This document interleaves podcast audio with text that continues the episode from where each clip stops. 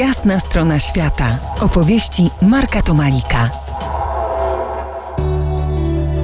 Moim gościem dziś Michał Woroch, podróżnik, reporter, fotograf, człowiek drogi z napędem na dwa i na cztery koła. Michał, 2012 y, rok i pierwsza z Maćkiem, także niepełnosprawnym na wózku, wyprawa Wheelchair Trip 17 tysięcy kilometrów, 3 miesiące, 13 państw, dwa kontynenty, czyli pętla po Europie z zahaczeniem o Maroko. Ambitny plan. Tak, ale też trochę szalony, bo to w ogóle pięknie, jak tak przeczytałeś, to pięknie to w ogóle e, no, słyszeć, ale tak naprawdę to była trudna dla głowy podróż. Byliśmy w miarę przy, przygotowani, pojechaliśmy, ale okazało się, że to, co sobie zaplanowaliśmy, zupełnie nie możemy z tego korzystać. Nie była taka sytuacja na przykład z Muzeum Salvadora Daliego. Chciałem koniecznie zobaczyć to miejsce. Jechaliśmy tam parę dni i ja cały czas sobie wyobrażałem, że no, studiuję na akademii, pojadę sobie zobaczyć. Będzie e, no, takie piękne doznanie, ale okazało się, że było dużym zderzeniem z rzeczywistością, bo osoba na wózku bez niczej pomocy. Po tym muzeum nie może się poruszać, bo było pełno schodów. I takich sytuacji było bardzo dużo w tej podróży.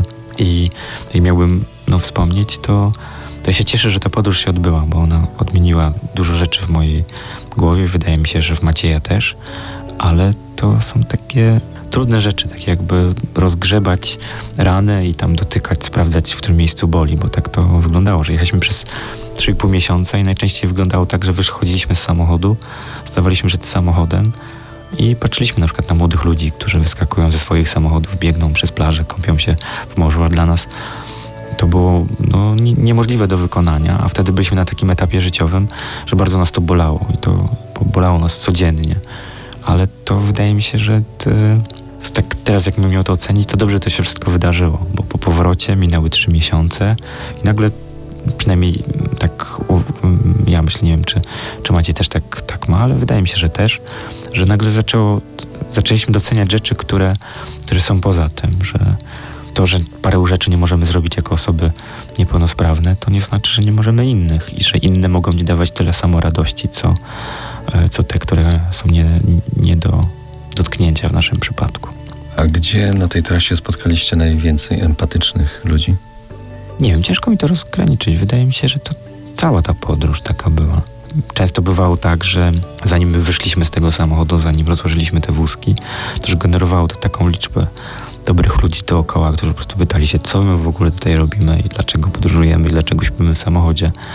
Bo to też była taka sytuacja, że na przykład potrafiliśmy wjechać bo to jeździliśmy wtedy busem. Mamy legitymację tą niebieską, żeby stawać na miejscach na niebieskich kopertach i często wjeżdżaliśmy na taką kopertę, zostawaliśmy na noc w centrum miasta przy jakimś rynku i na przykład w Avignon taka sytuacja, że trzy dni spaliśmy po prostu na takiej kopercie, myjąc się gdzieś w restauracji i rozmawiając z ludźmi. A zdarzyło się, że ktoś odmówił wam pomocy? Tu nie pamiętam. Może były takie sytuacje, ale nie przypominam sobie teraz tej, z tej pierwszej wheelchair-tripowej wyprawy, żeby takie sytuacje były.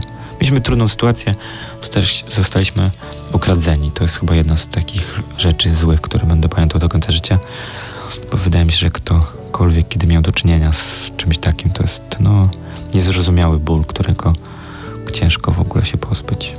Za kilkanaście minut ostatnia część naszej dziś rozmowy. Powędrujemy z Michałem przez obie Ameryki, tym razem samochodem terenowym. Zostańcie z nami po jasnej stronie świata. To jest jasna strona świata w RMS Classic.